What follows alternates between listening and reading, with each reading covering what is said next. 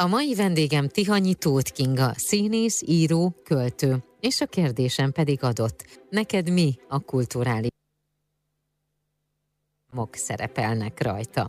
Én bakancslistám nem valószínű, hogy teljesülni fog, de hogyha lenne most egy tündér, aki ezt teljesíteni, akkor engem Angliába repítene olyan filmforgatásokra, amilyen például a Büszkeség és balítélet volt, amit ugye Joe Bright rendezett, vagy a sokunk által agyon nézett Love Actually, vagy igazából szerelem magyarul, amit Richard Curtis rendezett.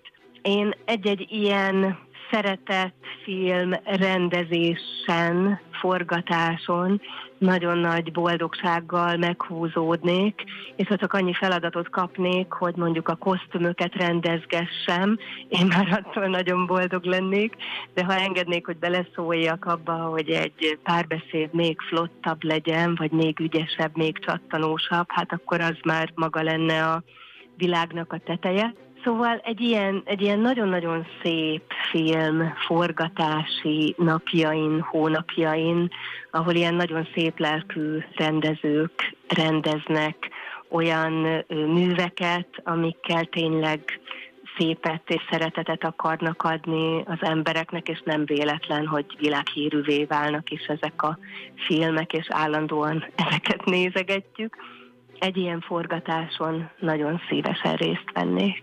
Én kívánom, hogy egyszer csak megjelenjen egy ilyen jó tündér, és teljesítse ezt a vágyadat, és ez így megtörténjen az életedben. Köszönöm szépen. Köszönöm szépen én is.